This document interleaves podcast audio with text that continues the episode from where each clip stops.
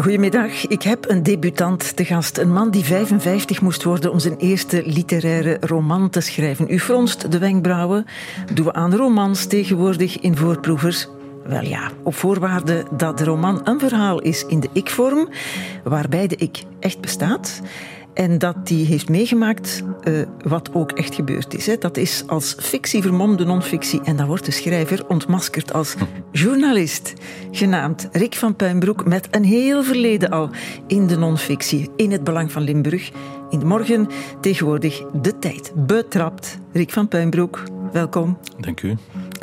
Jouw eerste roman heet Treurwil. Mm Zonder G, waarmee je een nieuw woord hebt uitgevonden.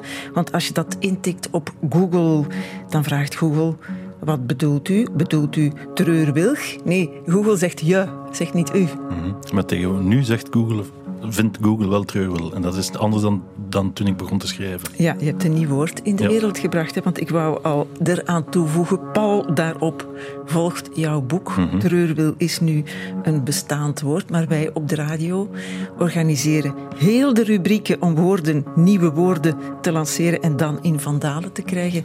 En jij hebt dat met één boek gedaan. Ik weet niet of het Vandalen zal halen. Maar het staat er nog niet in. Hè? Mm.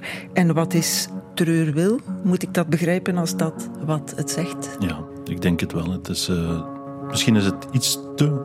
Uh, ja, vat het niet helemaal samen. Het is, want dan, dan, klinkt het heel triest, maar het is wel de wil om te blijven stilstaan met een gevoel van verdriet bij, bij mensen die je verloren bent. Uh, bij doden, bij wat er gebeurd is in het verleden. En mensen zeggen vaak, verdriet hebt weg en leegte blijft. Bij mij is dat duidelijk niet zo. Uh, dat uh, verdriet zal anders worden, maar dat is wel altijd gebleven. Dus die zogenoemde fout in het woord is belangrijk. Om te zeggen, het is fout als je, ja, als je het fout vindt dat je te lang bij de dood blijft stilstaan. Ja, ik hoop dat het dus inderdaad geen fout meer blijft. Recht op verdriet. Dat het mag, ja. Zoiets dat is heeft het, wel. Hè? Het heeft wel iets activistisch, toch? Klopt, ja. ja. Het is een missie van jou, hè? al die 35 jaar, of 33 of 34, dat jij journalist bent, waar de dood ook in jouw stukken. Je praat met mensen die iemand verloren mhm. hebben. Je maakt interviews met weduwen, daar heb je ook een boek over gemaakt.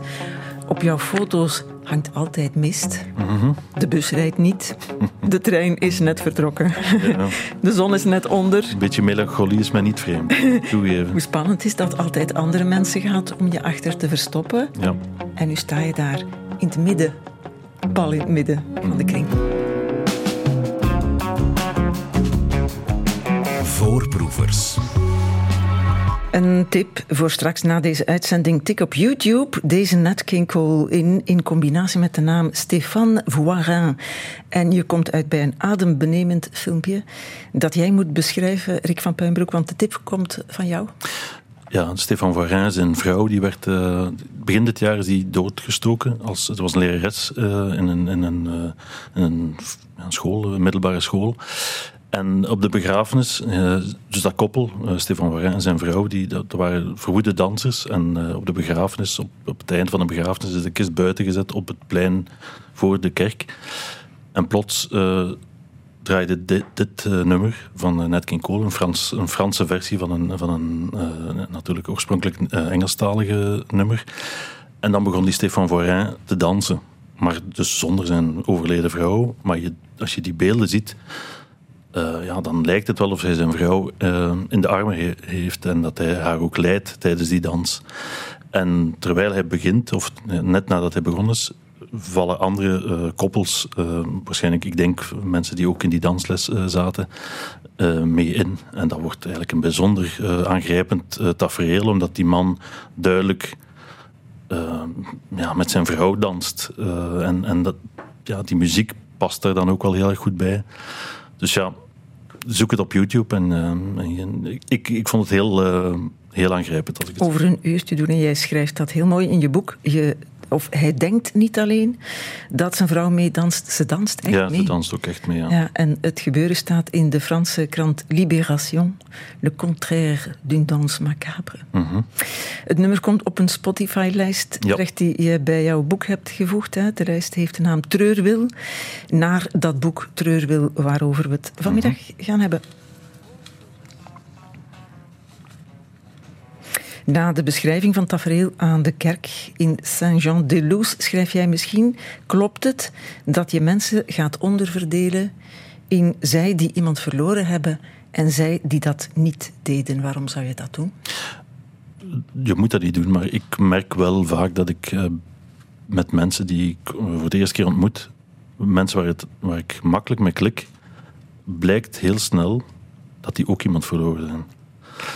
Dus ik heb op een bepaald moment voor mezelf een soort theorie uh, ontwikkeld dat, waarin ik dacht, ja, mensen die weten wat het is om iemand te verliezen, die veranderen of die, die hebben een andere manier van leven, die kijken anders naar het leven aan. En daar klik ik ook gemakkelijk mee. Dat kan, dat kan puur toeval zijn, dat kan, uh, kan zijn dat dat niet klopt, maar ja, ik, ik heb het al vaak gemerkt dat ik gemakkelijker praat met mensen die weten wat het is om iemand te verliezen. Die zoeken misschien ook troost in dezelfde dingen. Zoals hè, die dans van Stefan ja. in een mapje in jouw hoofd moet zitten. Om ja. af en naar mhm. terug te grijpen. En nu moeten we naar het begin van jouw boek, ja. Erik van Pembroek. Want um, toen, toen was het mapje nog leeg. Toen was het nog leeg, ja. Ik had het nooit meegemaakt. Dat was op 31 oktober 1984. Belangrijke datum. Je noemt die dag de dag waarop ik geboren werd. Ja. Leg dat eens uit tot dan, ik was 17, maar ik was echt klein. Uh, de kleinste van de klas, ook echt fysiek. Uh, ik was een klein jongetje nog. Pas later ben ik groter geworden. Ja, je zou het nu niet meer zeggen.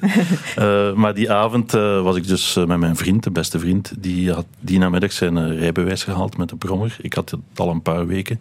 Hij had lang moeten zagen om die te krijgen bij zijn ouders. Hij haalt dat rijbewijs en komt bij mij om, om ja, samen een ritje te doen. Wat jongens van 17 en 16 jaar doen. Dus ik kom buiten en ik zeg, kom, we laten we meteen vertrekken. En we rijden de straat uit en nog één straat uit. Dus een 300 meter verder uh, wordt hij door een auto aangereden. Uh, omdat hij de straat oversteekt. Um, dus zijn, zijn rit heeft 300, 400 meter geduurd. Uh, ik ben er naartoe gelopen. Ik ben daarna, toen er volk bij was, ben ik terug naar huis gegaan. En ik heb toen als ja, ik was echt een kind van 17. Voor de laatste keer op mijn moeder schoot gezeten, ter troost. Dat is nadien nooit meer gebeurd.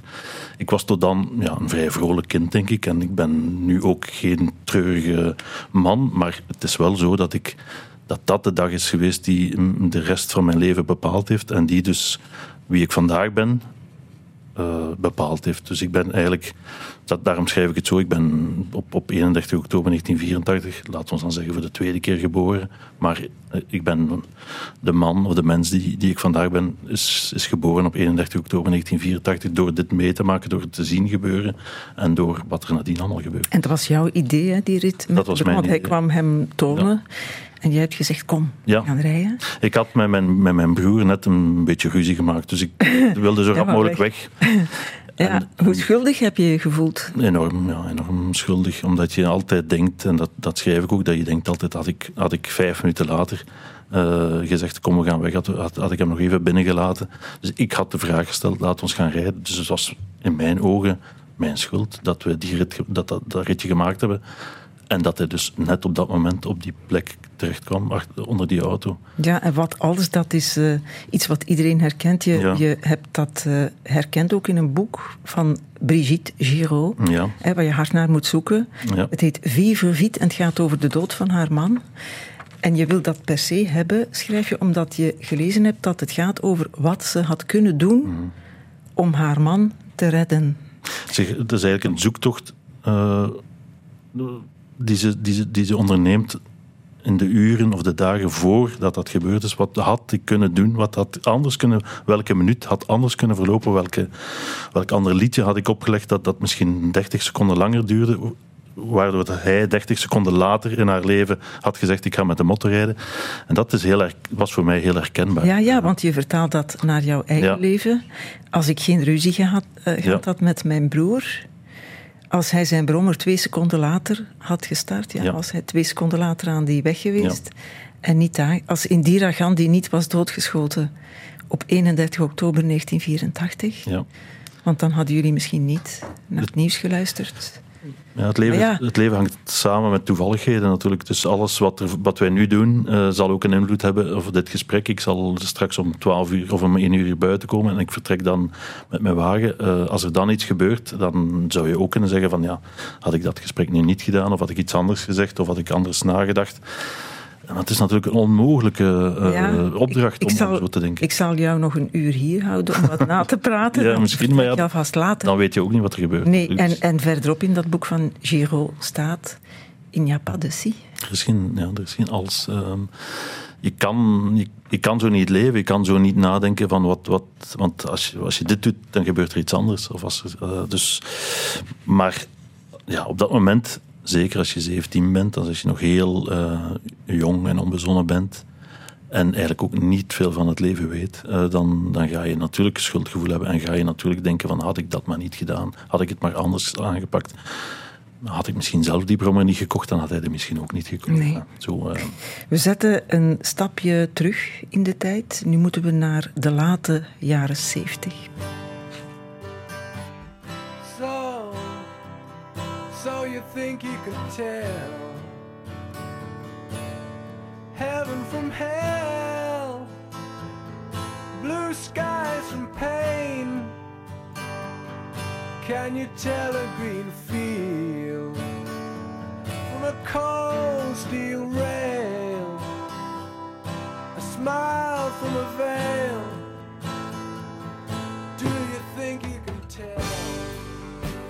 Dat is uh, Pink Floyd om bij jouw broer te geraken. Tom van Puimbroek heet hij over wie je schrijft. Mijn broer was cooler. Hij durfde meer, hij bracht muziek in huis die ik nooit had mhm. ontdekt. Springsteen en deze Pink Floyd in de late jaren 70 was dat wel iets. Hij rookte drum, hij droeg een legerjas, hij hing boven zijn bed een poster van een sneuvelende soldaat met daarop Why. Mhm. En mijn broer kocht Humo. Mm Zelfs dat was bijzonder. Ja. In die eh, tijd beschrijft eigenlijk de doorsnee mhm. jonge gast van, van die jaren. Die jaren hè? Maar voor jou was hij bijzonder en ik zeg was. Ja, is hij natuurlijk nog altijd. En het, uh, het uh, bijzondere is dat dat nummer van Pink Floyd staat niet op mijn Spotify-lijst. Maar je raakt er me wel heel erg om mee, omdat het natuurlijk inderdaad uh, aan hem gelinkt is. En die tekst, als je die natuurlijk hoort, dan mag je niet te lang naar luisteren. Want het gaat dan, over hem, hè? Het gaat erover, ja. En, um, maar hij was inderdaad iemand die bij ons thuis dat soort... Wij waren een een, een, een doorsnee Vlaams uh, eh, CVP-gezin uh, met... Uh, ja, de humor was al, was al bijzonder dat die binnenkwam. En dat kwam door Tom en de, de, muziek die hij binnenbracht ook. En ik heb eigenlijk heel veel van hem geleerd. En ja, dus als je was anderhalf jaar ouder dan ik, dan kijk je op. Ik, ik, ik keek er naar op en uh, ja, ik, dat was, mijn, was, was de, de man die, die mij veel bijgebracht heeft. Of de jongen op dat moment. Ehm, en vandaag ben ik, uh, word ik 56 volgende week en hij zou dus 58 zijn. Of 57 nu. Maar hij is maar 32 geworden, maar het blijft nog altijd mijn oudere broer. Ik, ik zie hem nog altijd als mijn oudere broer. Dat, is, dat zal niet veranderen. Hij is gestorven op een 24 augustus. Ja. Dat is een belangrijke dag voor jou. Geen nooit meer een banale dag, uiteraard. Ook in een verkeersongeval. Ja. Heeft hij dezelfde, of zijn dood dezelfde impact gehad op jouw leven als die van jouw vriend? Ik was natuurlijk um, ehm, 14 jaar ouder en ik had ondertussen uh, één dochter op dat moment. Uh, ik, had, ik, ik werkte, ik, ik was natuurlijk, had ondertussen ook al veel gelezen uh, over, maar toch ja, was die impact denk ik ja, even groot is moeilijk te zeggen, maar heel groot. Ik, uh, ik verloor opnieuw, want het is, het is gek. Je kan blijkbaar in je leven een paar keer je beste vriend verliezen. Want natuurlijk, jouw beste vriend sterft. En je komt nieuwe vrienden tegen. En mijn broer was op dat moment eigenlijk mijn beste vriend. En twee jaar geleden ben ik opnieuw mijn beste vriend verloren. Staat ook in een boek. Dus mijn, dat, de impact was heel groot. En ik, um, ik ik mis die ook natuurlijk nog altijd. Dat, dat, klinkt heel klef en cliché, maar dat, er, zijn, er zijn ook veel herinneringen die wij deelden en die je nu met niemand anders. Ik kan, ik kan een aantal dingen niet meer terugvragen, van, want alleen hij weet het, of, of, of, of een soort humor die we, die we deelden. Ik was anders, ik was, was, was op dat moment 30 jaar, ik was geen 17 meer, ik was geen kind meer. Um, maar de dood van hem op dat moment hakte er wel ongelooflijk in. En ik vind dat nog altijd een van de, van de belangrijkste dagen in mijn leven. Wat zijn die herinneringen? Ja, dat gaat over hele kleine dingen. Dat, ik herinner me dat, dat hij bijvoorbeeld, of, soms dat je, dat je, aan bepaalde mensen uit het dorp denkt en dat je denkt van hoe heette die ook weer, of dat kun je niet meer vragen. Um, maar ook bijvoorbeeld, uh, het gebeurde vaak dat ik, een, om, om terug op de humor te komen, dat ik iets las dat ik heel grappig vond. En dat ik hem belde en, ik, en dat hij zei van, dat hij eigenlijk net, net, op hetzelfde moment zei van, heb je dat gelezen? En dat hij er net op hetzelfde moment even goed had mee gelachen. Dus dat zijn, dat zijn gedeelde ja, kleine dingetjes, uh, details, uh, herinneringen die, uh, die, die wij deelden, ja, die, die je nu niet meer opnieuw kan, nee, niet meer kan Ze staan in jouw boek. Hè. Hij rokend op de staantribune van A ja, agent, ja. terwijl hij net betrapt was door ja. pa en ma. Hij mocht niet roken. En hij had beloofd... ostentatief wel. Net nadat hij betrapt was, had hij beloofd, ik zal het niet meer doen. En een uur later stond hij opnieuw sigaret roken. En ik dacht, hoe, ik was heel braaf natuurlijk. Ik dacht, hoe kun je dat nu doen?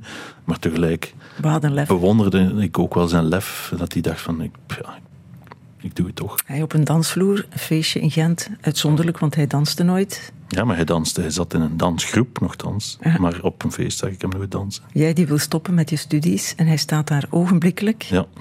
Toen hij trouwde was hij te emotioneel om de trouwgelofte uit te spreken. Ja. Dat heb jij niet in zijn plaats gedaan? Dat nee, dat heeft de pastoor gedaan. gedaan we hebben het over boek Treurwil, de titel die een neologisme is. Maar het enige woord dat kon uitdrukken, kan uitdrukken wat Rick van Puinbroek wou zeggen. Dat je verdriet niet hoeft los te laten. Dat het ook niet weggaat als men zegt dat het onderhand wel weg zou moeten zijn. Dat het diep ingesleten kan zitten, misschien wel voor altijd. En dat dat oké okay is, omdat het betekent dat de persoon om wie je verdriet hebt ook belangrijk is. Zo is dat toch, hè, Rick ja. van Puinbroek? Uh, bij jou gaat het over personen. Mm-hmm. Jouw vriend, jouw beste vriend, jouw broer en ook jouw moeder, hè, gestorven op een 24 augustus, wat amper toeval kan zijn, wat toch toeval is waarschijnlijk. Uh, en Treurwil is ook op 24 augustus Gelanceerd, verschenen. Ja. ja. dat is natuurlijk geen toeval. Maar uh, ja, de dood van mijn moeder, uh, ik wil het wel toeval noemen. Uh, maar het is een mooi toeval dat het die dag, dezelfde dag, dus ze is exact op dezelfde dag overleden als mijn broer. Mijn broer heeft een accident gehad. Mijn moeder was oud en was ziek. Die heeft die dag niet uitgekozen en ook niemand anders heeft dat voor haar gedaan, denk ik. Maar um, toen die ochtend dat ik, um, ik was me aan het klaarmaken om op reis te vertrekken. En ik stond in de douche. En natuurlijk denk ik elke, elke 24 augustus aan mijn broer. Uh, al, al 25 jaar van dit jaar. Toen stond ik in de douche en toen dacht ik van ja, het zou wel eens kunnen dat vandaag gebeurt. Want mijn moeder was al een paar weken ziek en lag ook in het ziekenhuis.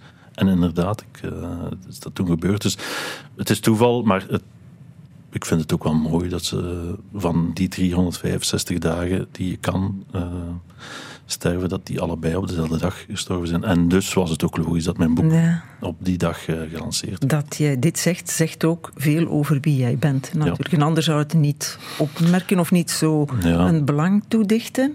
Maar die, die, die 24 is iets bijzonders, want uh, we zitten in een studio en op de achterkant, je ziet het zelf niet, de achterkant van uw schermen uh, staat ook Z24, dus het, het getal 24 valt mij altijd op. En die 24 augustus, ja, dat is natuurlijk wel heel uh, uitzonderlijk. Um, dat, dat, dat die twee mensen uit onszelfde gezin dat mm -hmm. dezelfde dag gestorven zijn. Ja, als je er oog voor hebt, zie je het natuurlijk ook. Hè? Dat is ook zo. Een andere gast heeft mij nog nooit gezegd dat daar een 24 ja, om de achterkant staat. toen ik er zat. Zal ik eens komen checken? Ja, is kom, het wel waar? Check het maar. dan zul jij het moeten volbabbelen, want dan horen de mensen... Maar het valt mij, wat u zegt, als je, als, je de, als je er oog voor hebt, valt het op. Ik heb de voorbije drie weken sinds de lancering van het boek al tientallen foto's van treurwilligen gekregen van mensen die het boek aan het lezen zijn of die, die op de voorstelling waren of wat dan ook nu ziet plots ook iedereen treurwilgen staan. Uh, en ik ook weer. Gisteren reed ik door het land en zag ik... Ja, het, waar, je op, waar je oog voor hebt, daar, dat valt dan natuurlijk op. Als je zwanger bent, zijn er overal ja, als je, als je een, een nieuwe vrouwen. auto moet kiezen, zie je alleen maar die auto die je wil... Uh, ja. Maar goed, over die treurwilgen mm-hmm. gesproken. Het gaat ook over treurwilgen. Ja, ja. Ook het, het heet treurwil. Wat eigenlijk niks met treurwilgen te maken heeft, maar toch wel. Ja. Want die treurwilg is een rode draad in jouw boek ook. Omdat uh, ja, toen ik geboren ben in 1967, lang geleden, uh, hebben mijn ouders een maand later in de tuin een treurwilg geplant. En later, dus die, die bomen die staat daar vandaag nog altijd. Ik was vorige week bij mijn vader en die bloeit nog altijd natuurlijk. En die boom staat op heel veel uh, familiefoto's. En ik heb later een huis gekocht in Leuven. Daar stond ook een treurwilg in de tuin. Um, dus die boom heb ik wel altijd bijzonder gevonden. En toen ik al begon na te denken over dit boek, en dat is een proces van een paar jaar toch, heb ik, uh, had ik het idee van ik wil ergens toch beginnen met het planten van een treurwilg ter nagedachtenis van mijn broer en van mijn vriend. Um, en, maar ja, waar zou ik dat dan doen? Ja, want dat wordt zo groot, hè? Ja. En je moet ook kijken, want sommige streken uh, zie je geen treurwilgen omdat er geen water is. Treurwilgen hebben heel veel water nodig. En toevallig, een paar jaar terug, heb ik een, een huis gekocht in, Frankrijk. En ik dacht, ja, dit is de plek waar ik hem moet zetten. En dat heb ik ook vorig jaar gedaan. Op 11 november heb ik die, heb ik, de dag voordien heb ik een, uh, in, de, in, de lokale, in het lokale tuincentrum een, uh, een, een kleine, jonge treurwilg gekocht. En op 11 november heb ik die in de, in de grond geplant. Je, je beschrijft dat alsof je het, het, een zaak van niks was. Je gaat naar het tuincentrum en je koopt een treurwilg. Mm -hmm. Maar het was een hele zoektocht, hè, want dat is daar ook geen gebruikelijke boom. Heb ik begrepen, ja. dat heeft veel water nodig. Ik heb dat uit jouw boek. Hè? Ja, daar gaat het, het nog wel. Een tuinboek, hè? Ja. Boek. ja, dat is een beetje overdreven. Uh, maar uh, uh, in, in, die streek gaat het nog wel hoor. Daar is wel, er regent er ook genoeg. maar ik had het ook ooit vroeger in de Provence al willen doen. Maar daar, dat, dat zal er ook wel staan, maar ik had, geen, ik had ook geen plek in de Provence voor mezelf. Ik kon die wel op, op in iemand anders tuin gaan planten, maar ja, dat, is een niet. beetje, vervelend. Dus ik, gelukkig had ik dan die, die plek in de, in de Auvergne en, uh, en daar staat hij nu sinds bijna een jaar. Heeft de winter overleefd en ik, uh, ik zal straks zien, want ik ga er vandaag terug naartoe, um, hoe, hij, hoe hij de hitte van de zomer overleefd heeft. Maar het ziet er goed uit. En hij moet, hij moet, hè? Hij moet, Stel je voor dat er iets mee gebeurd is. Dat ja. is rampzalig voor jou dat op dit moment. Ja. Ik, heb, ik heb ook vaak gedacht, want er lopen wel wat, uh, wat reeën en hertjes in die, in, die, in die omgeving. Ik heb altijd als schrik gehad dat, dat ze het zouden opeten, maar voorlopig staat hij er nog goed bij. Net nu jouw boek in tweede druk gaat, mag dat niet gebeuren. Niks nee, gebeuren mag zeker niet. Nee. Maar ik, nou, Proficiat met die tweede druk, trouwens. het is mij gisteren. Uh, troost in die treurwilg, hè, Mhm. ook in literatuur. Hè. Ik las op 14 Nieuws een rubriekje waar jij in staat. Uh, ze hebben jou ooit gevraagd naar de vijf boeken die jouw leven veranderd hebben. En daar zit onder andere Sprakeloos van Tom Lanois Mhm. in, omdat dat over zijn moeder gaat, dus ook over jouw moeder. Leg ik de link juist? Uh, ja, ik denk het wel. Ik denk dat, dat Tom een, toen een prachtig boek geschreven heeft over zijn moeder. En ik denk dat dat is het een beetje. Het is een beetje en ik wil me zeker niet vergelijken met Tom Lanois, in tegendeel. Maar mensen zoeken in boeken, of ik zoek ook in boeken, herkenning.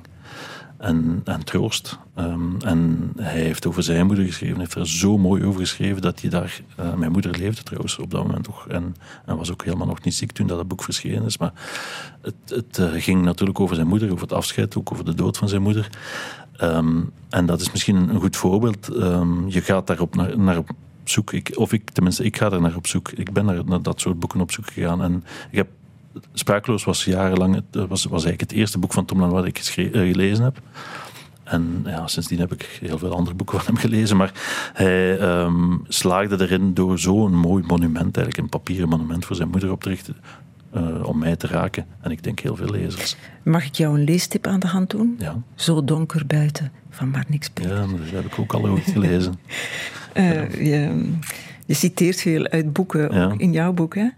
Wat, wat, wat zegt dat je heel veel troost vindt in boeken? Ja. Elias Canetti, Mhm. er zijn er te veel. Je gaat dood aan het overwicht van de doden. Mhm. En Philippe Claudel citeer je ook. En ook uit een fotoboek van een Amerikaanse fotograaf, William Eggleston, met foto's van gewone mensen ja. in gewone huizen. Dat boek maakt je van slag. Waarom? Omdat uh, dat zijn foto's van gewone mensen uh, in hun interieurs. Maar ondertussen, dat is, dat is een oud boek. Um, als ik daarnaar kijk, zie ik, of weet ik, dat al die mensen ondertussen dood zijn. En dat die interieurs waarschijnlijk ook allemaal weg zijn. En ik vind dat ongelooflijk um, ontroerend. Uh, om te zien dat, die, dat, dat alles wat iedereen, en dat doen wij ook allemaal, wij richten onze huizen in, wij, wij, wij, wij, wij werken, wij doen van alles nog wat. Maar op een dag gaat het allemaal de container in. En dat, dat vind ik ook bijzonder triest eigenlijk. Het relativeert ook wel dat je, dat je misschien ook wel al nu al moet weten van ja, ik kan beter zelf een aantal dingen wegsmijten, want, want niemand gaat er nog iets aan hebben.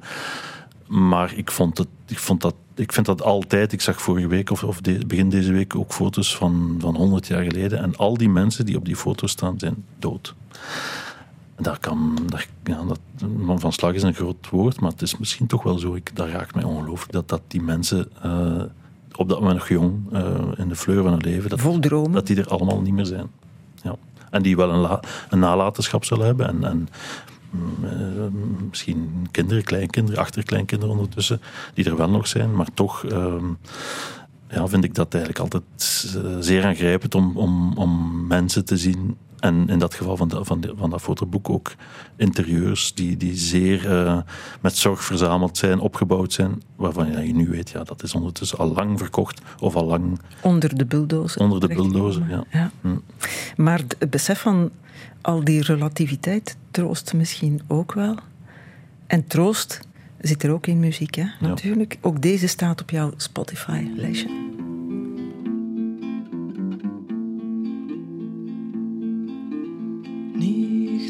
Νύχτα βροχερή, άδειο το χέρι. Ψάχνει να σε βρει, μα δεν το ξέρει. Πού θα σε βρει;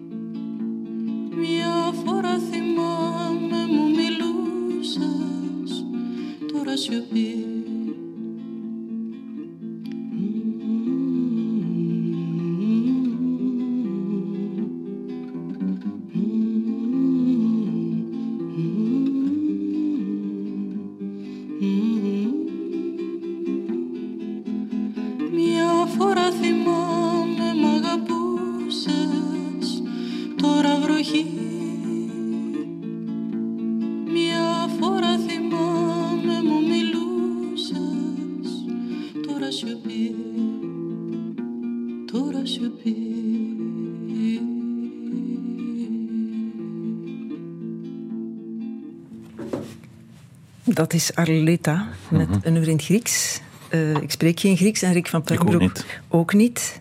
Maar je hebt het wel op je Spotify-lijstje gezet. Mm -hmm. uh, horend bij het boek dat Treurwil heet, waar heb je het vandaan? Uh, ik deed een interview in het voorjaar met Warren Ellis, de muzikant, violist van Nick Cave. En die had een boek geschreven, Nina Simons, Kauwgum. En dat nummer wordt, uh, speelt een rol in, in, dat boek. En ik kende dat niet. En ik, heb het boek, ik had het boek gelezen natuurlijk op voorhand, omdat ik hem ging, ging interviewen. En toen ik het las, ben ik het, zoals we dat dan, dan doen, uh, gaan zoeken. En dat vond ik zo mooi, dat ik uh, eigenlijk ook... Ik versta de, de woorden niet. Ik heb, ik heb het wel een beetje opgezocht. of via DeepL kan je nu alles vertalen. Of iemand heeft mij ook wel geholpen. Maar um, ik vond dat die muziek en die stem. Eigenlijk moet ik, het ook, moet ik de woorden zelfs niet begrijpen of verstaan om erdoor geraakt te worden. En door, ja, om, het op een duur wordt het een beetje een, een clichébegrip, maar om erdoor getroost te worden, ik kan dat ook niet zo goed uitleggen waarom dat dat is. Waarom dat, die, uh, dat, dat nu precies dat nummer is dat mij zo raakt. Maar er zit zeker een, zeker een grote melancholie in. En ja, dat is iets dat mij wel kenmerkt. En Wat hoort bij daar jou, ik hè? heel, erg gevoelig voor. Ja, die Warren Ellis, leer ik uit jouw boek, bewaarde een Ja. stukje kauwgom dat Nina Simone net voor een optreden onder Ja, haar piano, had geplakt. Bij jouw beste vriend staat een lijstje met een sigarettenpeuk van Luc Tuymans, Ja. Mhm. die hij zomaar op straat heeft gegooid na het roken. Dat is een gasboete eigenlijk. Ja. Maar goed, het Maar zit in een kadertje. In jouw auto ligt een kiezeltje, Ja. opgeraapt naast de steen die het graf van jouw broer Mhm. eh, bedekte. En thuis heb je een stapeltje oude Belgische franken. 57,5 frank, Ja. dat is een euro en een klets. Een beetje, een beetje meer. Uit de zak van jouw vriend Philippe gevallen, de Ja. avond van zijn dood. De politie heeft het jou gegeven. En zij geven terug aan de vriend. Ja, kon maar niet. goed, dat kon niet. Die is de dag nadien gestorven. Maar ik heb het vanmorgen nog zien liggen. Het ligt er nog altijd. Ja. Die, In de app zijn er opvallend veel meer reacties dan anders. ja. Ja, van Caroline bijvoorbeeld, die zegt ja, heel herkenbaar dit verhaal. Marie-Paul zegt dat herkennen van toevallige gebeurtenissen, dat vind ik ook heel herkenbaar. Vorige maandag overleed een vroegere goede kennis. En toevallig had ik rond die periode nog aan hem gedacht. En Frank mailt ik, ehm, of stuurt ik, mocht, eh, of mocht ik ooit letterlijk drie seconden vroeger vertrokken zijn naar een terrasje, had een auto eerst mijn fiets geraakt in plaats van een vader en dochter. Dadelijk de honderd gebeld, gelukkig geen doden. Mhm. Ik herken dat gevoel, ik ken dat. Sterkte, zegt hij er ook bij. Mhm. Ja, die sym- symboliek, hè, zou het kunnen dat eh, je er zoveel waarde aan hecht bij gebrek aan taal? Of, nu niet, hè. je hebt de taal waarin je schrijft, maar in jouw jeugd, ja. toen jouw vriend stierf, daarna je broer. Je schrijft wel in je boek, met die mooie taal van jou, hoe over dat verdriet amper te praten viel. Ja, ehm, het is een andere tijd geweest natuurlijk. Hè. Eh, ik denk als je vandaag dit eh, meemaakt, dan eh, zal er. Ik, heb het vorige week nog gehoord. ehm, dan is er slachtofferhulp. Dan is er, wordt er ook daarbij stilgestaan. Ehm, niet dat er toen niet bij stilgestaan werd. Ik, ik wil zeker niet zeggen dat, dat bijvoorbeeld mijn ouders er niet zijn voor mij geweest. Maar het was zo. dus dat accident is op eh, donderdagavond gebeurd, 31 oktober allerheilige vakantie. De vrijdag 1 november is mijn vriend ge- gestorven. En ik ben op maandag naar school gegaan. En eh, ik ben nog op woensdag ben ik nog thuis geweest voor de begrafenis, maar dat was het. En ik, eh, ik ga zeker niet zeggen dat, dat daar nooit meer over gepraat werd. Dat, dat niet, maar we zijn van een generatie, denk ik, één, dat er, waar, waar toen veel minder ook externe hulp eh, was. was minder aandacht voor. En ik denk ook dat we van een generatie zijn die niet zo gemakkelijk geleerd hebben te praten. Dat is geen verwijt naar mijn ouders toe. Dat is ook geen verwijt naar de, naar de mensen van onze generatie toe. Maar ik denk dat dat voor veel mensen van onze generatie, ik weet niet het voor u is, herkenbaar is. Dat dat, dat, dat het heel moeilijk is om, om, om uw hoofd op de schouder te leggen en zeggen van het gaat niet. Ik herinner mij een verhaal van mijn broer Marnix, Mhm. in wiens klas ergens in het middelbaar een jongen zelfmoord had gepleegd. En hoe hij al heel vaak over die gebeurtenis heeft verteld, hoe hij die dag thuis kwam, immens verdrietig, en hoe mijn moeder er zelfs niet in slaagde hem vast te pakken. Ja. Dat, dat is bij mij wel gebeurd. Hè. Ja, Dus ik- dat is van een soort onbeholpen ja. gebrekkigheid in het omgaan met emoties. Ja, ik denk dat we. De, dood is daar natuurlijk wel een, een zeer specifiek iets bij. Want nog altijd vinden heel veel mensen dat moeilijk om, als ze gehoord hebben dat iemand gestorven is.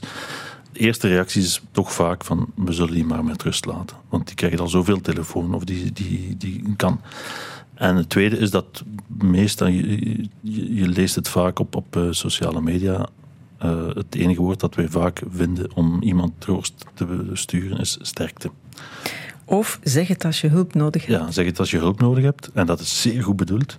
Maar eh, om terug te komen op, op we zullen die maar met rust laten. Ik, ik weet uit ervaring en ik weet ook van andere mensen, men is vaak blij dat men er kan over vertellen. Dus bel.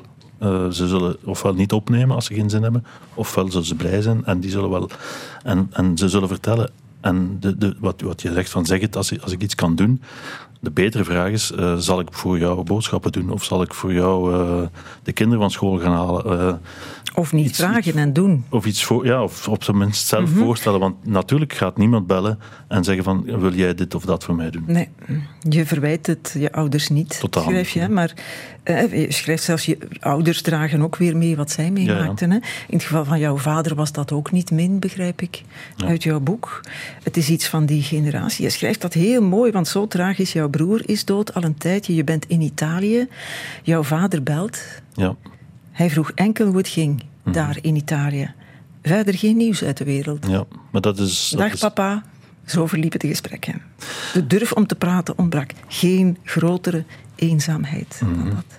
Maar dat is ook iets dat mij uh, kenmerkt. Ik ben, ben ik heb dat nu allemaal meegemaakt, maar ik ben ook niet iemand die gemakkelijk uh, gaat praten. En um, ik denk dat mijn, mijn dochters, die het boek ondertussen gelezen hebben, dat die ook uh, zaken gelezen hebben die ze niet wisten. En die, waar ik eigenlijk nooit...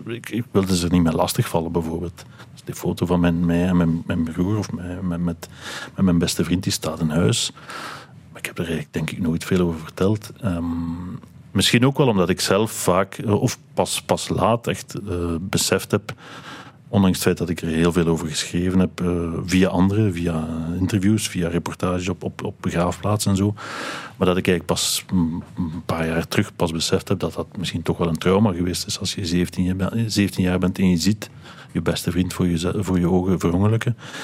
Um, toen had ik er geen nood of geen behoefte aan om, om hulp te gaan zoeken vandaag besef ik dat had ik misschien wel beter moeten kunnen doen. Ja, en, en leren praten. Zeg ik ben ook zo. Hè?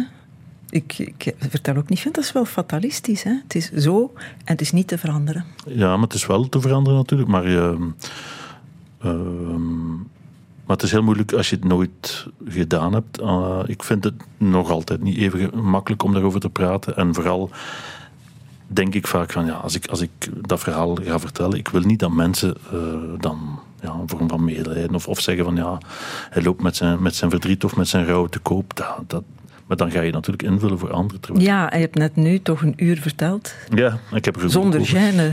Ja, omdat je de vragen over stelt. Ja, dat gaat ja, ja wel, je maar- bent naar hier gekomen om te vertellen. Ja. En je hebt er een boek over geschreven. Mhm. En ik lees toch ook veel spijt in jouw boek over dat zwijgen. Bijvoorbeeld, ik citeer jouw moeders brieven, rapporten, Mhm. notities, een kort bijgehouden dagboek, resten van een leven die naar boven kwamen toen ze al lang dood was. Mhm. En op alle vragen die ze oproepen, is er geen antwoord meer. Ja. Daarin zit de spijt. Ik kan haar niks meer vragen. Ja, dat is zo. Ehm, dat, zijn nu geen, dat zijn geen grote levensvragen, maar ja, ik, eh, ik heb niet, niet veel. En het gekke is, ik ben journalist. Ik doe niks anders dan mensen interviewen en, en uithoren en proberen ehm, ja, zoveel mogelijk eh, van, van, van iemand los te krijgen, maar met je eigen vader en moeder, of met jouw broer, of met jouw beste vriend of, of ge- geliefde, doe je dat eigenlijk te weinig. Nee, maar je kan dat wel met je dochters toch doen. Want je schrijft over je dochters ook. Wat laat ik hen na als mens? Welk voorbeeld? Waarmee heb ik hen belast? Ja. Vraag het. Ja, eh, het, het grappige is dat ik nu, dus mijn, ze hebben het alle twee gelezen en, en waren ook heel blij dat ze het gelezen hebben. Maar nu zou ik bijvoorbeeld op, opnieuw eens met hen kunnen samenzitten en zeggen van vertel mij, wat heeft u daar zo in geraakt? Of wat, wat heb je daarvan bijgeleerd? Of dat heb ik ook nog niet gedaan, dus Nee, misschien moet ik dat ja, eens gaan doen. Het Waarom zeg je het in de zouwvorm? Ja, ja, natuurlijk wel. Dus eh, het is omdat jij er mij nu, Ja, nu weg naar Frankrijk. Nu kan het weer niet. Die 40.000 woorden nooit uitgesproken. gesproken, hè? In- enfin, ik heb ze niet geteld. Jij Nee, schrijft het het ook waren er ergens. net geen 40.000. Het kan ook volstaan natuurlijk, hè, dat je het via deze weg doet. En, eh, Ja, maar het is natuurlijk ook niet zo dat dat, dat boek is ook niet. eh, eh, dat, dat, dat is een bepaald deel. Ik heb heel veel geschreven, denk ik. En, maar er zullen nog wel, eh, nog wel verhalen zijn die, die, eh, die kunnen verteld worden, die niet in een boek staan. Ik heb niet heel mijn leven in een boek gezet. Treurwil van Rick van Puinbroek, uitgegeven bij De Bezige Bij. Eh, tweede druk is bezig. Wil dat zeggen dat de eerste uitverkocht is? Nee, niet helemaal. Denk het nog niet, maar het moet toch zijn dat men ervan uitgaat dat die binnenkort wel uitverkocht is. Want anders zal een uitgeverij, Ja. als de bezige bij, niet meteen beslissen van we gaan er een tweede druk van maken. Mhm. Dus Het is een aanrader om het met een clichéwoord te zeggen. Ik heb nog één nummer klaarstaan uit jouw Spotify-lijst. Mhm. Het heet ah, Treurwil. Ah ja. Van Jan Willem Roy of J.W. Roy, Als we het helemaal willen draaien, heb je een oh, 20 seconden om te vertellen waar het over gaat. Eh J.W. Roy is een, een Nederlandse zanger, eh, muzikant die ik leerde kennen in de Auvergne. En ik heb hem op een bepaald moment verteld over het boek. En hij had ook zijn broer net verloren. En s'avonds stuurde hij mij een appje en zei van... Zou Treurwil ook een werkwoord kunnen zijn en mag ik er een nummer over schrijven? Dat heeft hij gedaan. En dat is dit geworden. Kei inschrijven, kei in timen ook. En intro's voorbabbelen. Rick van Pijnbroek, dankjewel. Dank u. Als de leegte die hier is, door de ruimte die jij liet, wat ik betreur en wat ik mis, zo groot dat niemand Nu voor mij maakt die eeuwen oud, waarom bespreken zilver en zwijgen goud? Waar ik ook zoek, het blijft ijzig stil. En ik treur wil. Oh, ik wil en ik wil en ik wil wel. En ik treur en ik treur en ik treur wil. Als de adrenaline is En de kaarten zijn verstuurd alle rekeningen betaald. Daals in een urn terug uit het vuur. Leven gaat door, meneer, wend daar maar aan. Daar ben ik het mee eens, maar ik weet niet hoe ik moet staan. De barbecue brandt, maar wat ik ook gil. Ik treur wil. Oh, en ik wil en ik wil en ik wil wel. En ik treur ik treur ik treur wil. Oh, en ik wil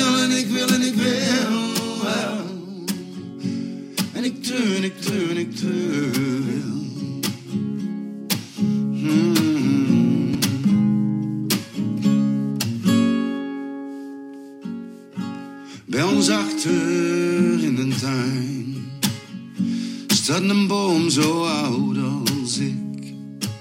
Kent de seizoenen en de tijd. Weet wanneer hij een nieuw blad laat zien. Geef mij clichés, want die zijn altijd waar. Geef mij een glas, ja dan proosten we maar. Op een tijd en iets van april als ik terug wil. Oh, ik wil en ik wil en ik wil wel. En ik treur en ik treur en ik treur